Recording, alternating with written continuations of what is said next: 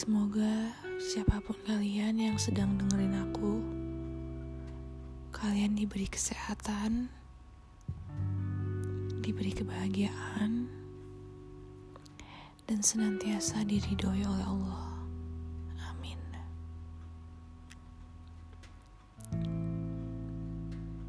Kalian tahu sayang itu apa?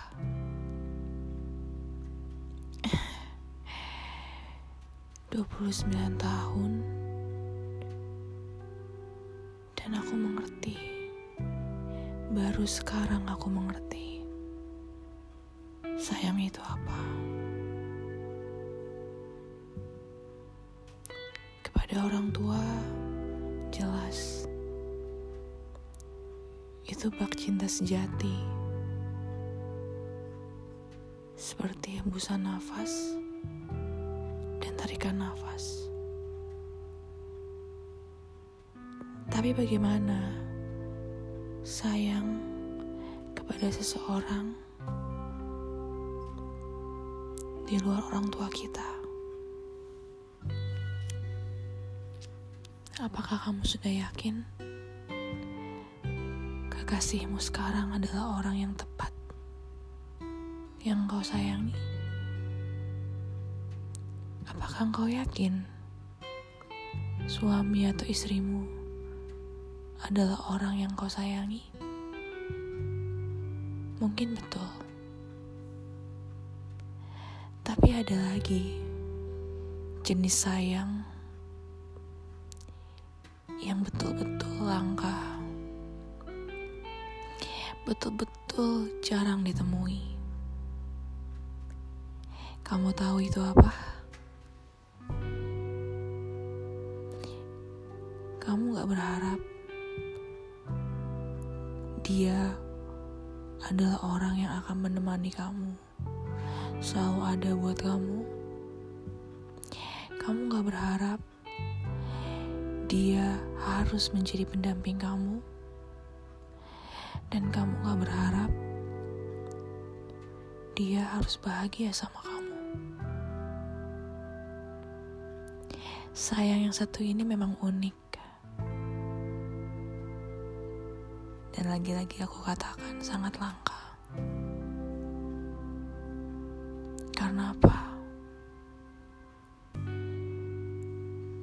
Karena kamu hanya bisa menyebutnya dalam doa. Hanya berdoa, dia selalu baik, dia selalu sehat, dan dia selalu bahagia. Tidak peduli apa yang membuatnya bahagia, yang pasti bukan kamu, orang lain. Tapi tak apa, selalu ada namanya dalam doamu kepada pencipta. Berdoa atas segala peristiwa yang telah terjadi agar sang pencipta mau memaafkan segala dosa-dosa.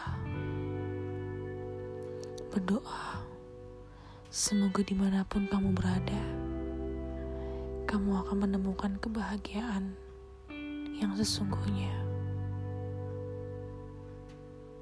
Itulah sayang yang luar biasa langka, yang tidak semua orang bisa melakukannya. Apa itu salah? Tidak, sangat tidak. Seperti hati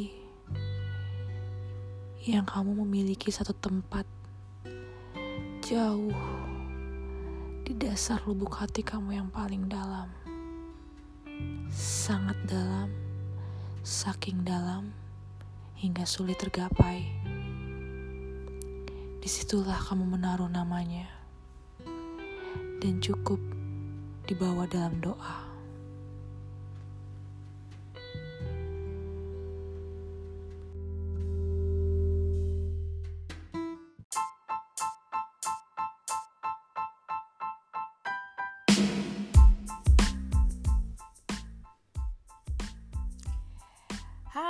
assalamualaikum warahmatullahi wabarakatuh. Apa kabar teman-teman semua? Balik lagi sama gue Farah podcast suaraku karena suaraku adalah suaramu. Oke, okay, uh, eh, masih dalam keadaan pandemi COVID-19 kita masih yang di Jakarta dan daerah sekitarnya mungkin ya. Kita masih dalam suasana PSBB ya kan? Social distancingnya masih berjalan. Semoga kita semua selalu sehat bersama keluarganya dan walaupun kita social distancing nih jangan sampai kita menjadi makhluk yang ansosial ya. Jadi harus tetap saling uh, menghargai saling berbagi dan saling uh, apa ya saling ini ya. Ya jadi be social human gitu jangan jadi cuek juga gitu gara-gara social distancing. Oke deh uh, kemarin gimana lebarannya apakah mudik? Enggak dong ya pastinya. Karena apa? Karena biar uh, keluarga kita yang di kampung halaman tidak uh, terkena resiko virus COVID-19 ini. Khususnya gue pun gak pulang ke Bandung ya. Gue tetap uh, stay di apartemen stay di BSD gue nggak mudik. Gue tahan rasa rindu gue sama orang tua sama adik dan semua keluarga di Bandung karena uh, gue nggak mau membawa virus. Walaupun sedih tapi demi kebaikan bersama lah ya. Oke okay, podcast kali ini uh, aku mau share tentang pentingnya punya pasangan yang sepaham dengan kamu. Waduh gue ngomong gini kayak gue udah punya pasangan yang sepaham gitu ya yang ngomongnya sebenarnya belum punya pasangan nih cuy. Tapi is okay nggak apa-apa. Kita uh, sambil menunggu pasangan yang tepat kita sa apa ya sambil memperbaiki diri kita menjadi orang yang akan menjadi tepat juga buat orang lain. So ini uh, perlu diketahui bahwa ya kan gimana sih uh, agar kita dapat pasangan yang bisa sepaham sama kita yang nanti ujungnya ya hubungannya jadi langgeng gitu ya. Nggak dikit-dikit kan kalau sekarang-sekarang tuh nggak paham sedikit atau nggak selek sedikit amit-amit ya cerai lah apa segala macam. Nah kita meng apa ya menghindari hal-hal yang seperti itu. So hubungan yang sukses di dunia ini nih pasti melibatkan dua orang dengan ambisi seimbang dan pola pikir yang serasi percaya nggak? Ya ada enam alasan kenapa kamu itu mesti hubungan dengan orang yang setara secara pemikiran. Atau paling gak tuh selevel kemampuannya dengan kamu. Karena apa? Karena satu ya satu akan mudah menghargai orang yang mampu mengimbangimu ya. Jadi ketika kamu tergila-gila nih kamu tak akan bisa melihat apa pun dari dia kecuali betapa cantiknya dia mungkin atau betapa gantengnya dia gitu kan. Atau betapa nyamannya mendapatkan perasaan yang diterima dari dia ya. Tapi seiring waktu kegilaan-kegilaan itu akan lenyap dengan sendirinya. Kalian tuh akan tersadar dengan kekurangan masing-masing pasangan. Nah saat saat krusial kayak gitu rasa hormat satu sama lain itu menjadi penting banget. Kalau kalian punya pola atau kemampuan berpikir yang setara kalian akan lebih mudah menghormati satu sama lain uh, dan uh, silang pendapat di antara kalian pun bisa minimal gitu. Atau mudah-mudahan malah nggak akan ada sama sekali. Tapi pastilah ya ada selek-selekan tapi uh, masih bisa diimbangin lah gitu ya. Yang kedua masa kamu mau di downgrade terus? Nggak mau dong ya kan? Kalau pasangan kamu tuh suka bikin kamu kesel misalkan mungkin sekarang kamu bisa tahan. Tapi apa uh, misalnya apalagi kalau bukan misalnya aduh ganteng banget wajahnya atau suaranya yang lembut yang meluluhkan hati kamu gitu kan. Nah tapi apa kamu yakin bisa selamanya kayak gitu? Selamanya cinta hanya dengan karena wajahnya karena suaranya atau karena fisiklinya lah pokoknya ya kan? Kalau kamu udah tahu kesalahan kesalahan kesalahan dia nih sebenarnya udah di apa ya sementara apa ya uh, kalau kamu udah tahu bahwa kesalahan-kesalahan dia itu sebenarnya mudah dihindari sementara alasan-alasan yang sering keluar dari mulutnya itu nggak masuk akal gitu. Lama-lama kamu tuh bakal eh, nggak uh, akan bisa apa ya nggak akan mampu untuk memendam rasa kesel gitu. Jadi analoginya uh, mungkin sedikit tega tapi bukan berarti nggak tepat ya. Kamu seperti OS komputer terbaru tercanggih di pasaran tapi terpaksa harus di downgrade supaya bisa berjalan di komputer tua. Nah kayak gitu analoginya ya. Uh, agak sadis tapi ya seperti itulah ya. Oke, okay, yang ketiga, kamu akan lebih yakin untuk berkomitmen dengan dia. Ya iyalah, pasti kan. Banyak pasangan yang kemudian bubar dalam tanda kutip nih ya selangkah sebelum pelaminan karena tak bisa uh, tak tak bisa berpaling da, uh, dari ini jurang di antara apa jurang pemisah di antara mereka gitu padahal perbedaan pola pikir atau kecerdasan adalah salah satu faktor pembuat jurang di antara pasangan. Jadi pada titik tertentu pasangan yang terpisah jurang ini akan saling mencari alasan untuk berpisah gitu. Jadi nanti apa ada aja gitu alasan gitu ya untuk bisa jadi jika kamu udah melihat hubungan ini nggak bisa lanjut ya kenapa mesti nunggu lama-lama? Kan kasihan juga nih pacar kamu. Jadi kalau kamu udah nggak ngerasa serak mendingan udahin aja gitu. Memang nggak ada yang wasting sih di dunia ini. Cuman uh, kalau kamu emang udah nggak yakin kenapa harus dilanjut gitu ya? Kayak gitu. Terus keempat kamu nggak akan bisa maju kalau ikut mundur terus nih sama dia ya. Dengan analogi OS komputer tadi nih kamu tuh nggak akan bisa maksimalin potensi yang kamu milikin kalau kamu terus sama dia kamu nggak bakal berkembang kalau pasangan kamu tuh terus terusan nahan kamu nih ya nahan dalam tanda kutip ya.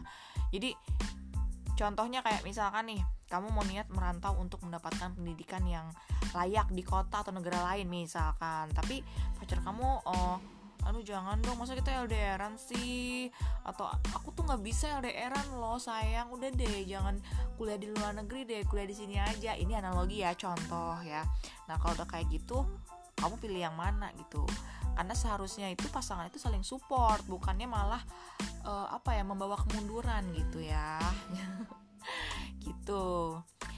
Nah terus ini nih nomor 5 nih ya. Pemasukan yang timpang akan jadi masalah. Sebenarnya ini oh, gimana ya uh, secara tidak sadar langsung tidak langsung cia akan berpengaruh sih. Karena intelektualitas atau cara berpikir akan berpengaruh pada karir dan pendapatan kamu kan? Jadi kalau kamu in, apa ya intelektualnya maksudnya kayak kamu ngejar pasti kan kamu punya goals goals nih pasti akan ngaruh dong ke karir kamu increasing pendapatan kamu. Nah jika pada akhirnya kalian berakhir di pelaminan nih beda pendapatan antara suami dengan istri itu bisa aja jadi potensi masalah loh. Apalagi kalau sang istri yang punya gaji lebih besar dan karir lebih bagus dibanding suami. Sebenarnya ya, dalam poin ini bukan karena si istrinya itu atau si ceweknya karena punya penghasilan yang besar terus jadi kayak nginjek-nginjek suami nggak gitu juga. Walaupun mungkin ada yang seperti itu tapi nggak semua ya guys. Jadi nggak semua cewek yang mungkin karirnya lebih tinggi atau apa uh, pendapatannya lebih tinggi akan menginjak-injak suami kayak seperti itu nggak semuanya. Tapi terkadang egonya laki-laki itu secara manusiawi eh lah secara manusiawi. Secara naluri itu emang nggak mau di bawah perempuan. Jadi mungkin ceweknya biasa aja nggak gimana gimana gitu kan santai aja. Tapi karena ego si cowok akhirnya cowoknya jadi malah protektif gitu. Malah jadi pengen uh, dia secara tidak langsung ada ketakutan untuk uh, ketakutan apa ya ketakutan aduh ntar cewek gue atau calon istri gue nih uh, bakal nginjek-nginjek gue nih gue harus uh, apa ya mengendalikan nih cewek gitu. Gue harus lebih di atas dari nih cewek. Jadi akhirnya apa? Jadinya kayak overprotective lah hasilnya atau terlalu over apa terlalu posesif gitu kan. Atau mungkin uh, terlalu ngatur-ngatur yang nggak penting gitu ya. Nah itu jangan sampai kayak gitu ya. Terus tekanan-tekanan masyarakat juga akan membuat sang suami itu yang berego besar merasa rendah diri. Nah bisa jadi ini tuh jadi apa ya akan menimbulkan ketegangan dalam rumah tangga ya. Ini memang apa ya susah sih kalau masalah uang nih um, susah ya tapi faktanya seperti itu ya. Jadi uh, balik lagi cewek yang mungkin penghasilan lebih besar nggak semuanya kok merasa jadi kayak berhak injek-injek suami enggak tapi basically cowok ya juga nggak mau di bawah cewek di bawah cewek. Jadi akhirnya dia jadi kayak uh, ya egonya lah gimana sih? Jadi ujungnya jadi overprotective apa yang mana jadi nggak bikin ceweknya nyaman. Akhirnya bubar aja gitu ya.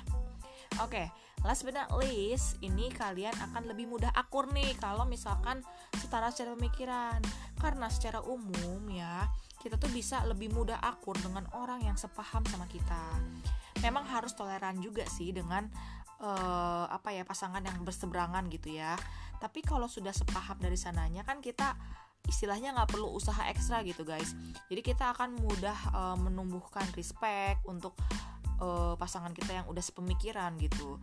Terus uh, apa namanya kita juga bersedia mendengarkan apa yang dia katakan uh, bukan malah yang cuman motong pembicaraan aja gitu. Jadi saat saat uh, sepasang kekasih ya saat sepasang pasangan muda-mudi ini atau yang udah levelnya mau ke pelaminan ini berada pada level yang setara nih secara pemikiran mereka tuh pasti akan saling paham satu sama lain semakin setaranya kalian akan semakin nyamannya kalian menjalani menjalani hubungan itu gitu kan jadi carilah pasangan yang benar-benar memiliki visi yang sama sama kamu, paham dengan pemikiran kamu, dan kamu juga paham dengan cara dia berpikir. Setidaknya, coba sekeras mungkin untuk mengimbangi intelektualitasnya gitu. Jadi, bukan masalah mencari pasangan itu bukan masalah ya seberapa kayanya dia atau misalkan wah seberapa cerah masa depannya. Nggak hanya itu guys. Kaya juga buat apa gitu? Kalau orangnya childish atau orangnya overprotective atau mungkin bisa juga abusive amit-amit ya jangan sampai. Nah buat apa yang kayak gitu gitu kan? So akan lebih penting mencari pasangan atau partner hidup yang setara secara pemikiran. So buat kalian semua yang masih pada jomblo especially buat gue lagi ngatain diri gue sendiri juga. Karena gue juga belum punya pasangan ya. Buat yang belum punya pasangan ya increase terus intelektual kita ya. Asah terus uh, apa ya potensi dalam diri kita maksimalin uh, apa namanya uh, nilai diri kita value kita agar kita juga bisa uh, apa ya uh, tepat gitu buat orang lain. Jangan hanya mengharapkan orang lain tuh harus begini begitu begini begitu tapi kita juga increase diri kita sendiri. Kita juga harus sadar kekurangan kita. Jangan uh, selalu menyalahkan pasangan gitu loh. Harus berkaca juga ke diri sendiri oh kekurangan kita nih A B C D E F G dan kita harus increase itu. Kita harus istilahnya harus uh, memperbaiki diri sendiri dulu lah gitu. Karena kalau kita udah dewasa kita bisa mengatur diri kita sendiri, kita bisa kontrol emosi kita sendiri, pasti kita juga bisa um, menghadapi atau bisa berpartner dengan orang lain gitu. Karena kalau kita nggak bisa mengendalikan diri kita sendiri, ya gimana caranya gitu kita bisa berpartner sama orang lain gitu. So uh, buat teman-teman semua yang mungkin lagi ngedengerin Farah nih dan mungkin masih jomblo nggak apa-apa, tetap berdoa sama Allah Subhanahu Wa Taala untuk diberikan jodoh yang setara secara pemikiran yang tepat dan akhirnya sampai kepada pelaminan dan akhirnya juga hubungannya diridhoi oleh Allah dunia dan akhirat. Oke, sekian aja podcast dari Farah. Nanti akan kita kita akan ketemu lagi mungkin di podcast-podcast Farah selanjutnya. Jangan lupa jaga kesehatan, have a nice day dan selalu bahagia selalu ya teman-teman Oke deh, terima kasih. Assalamualaikum warahmatullahi wabarakatuh. Bye bye.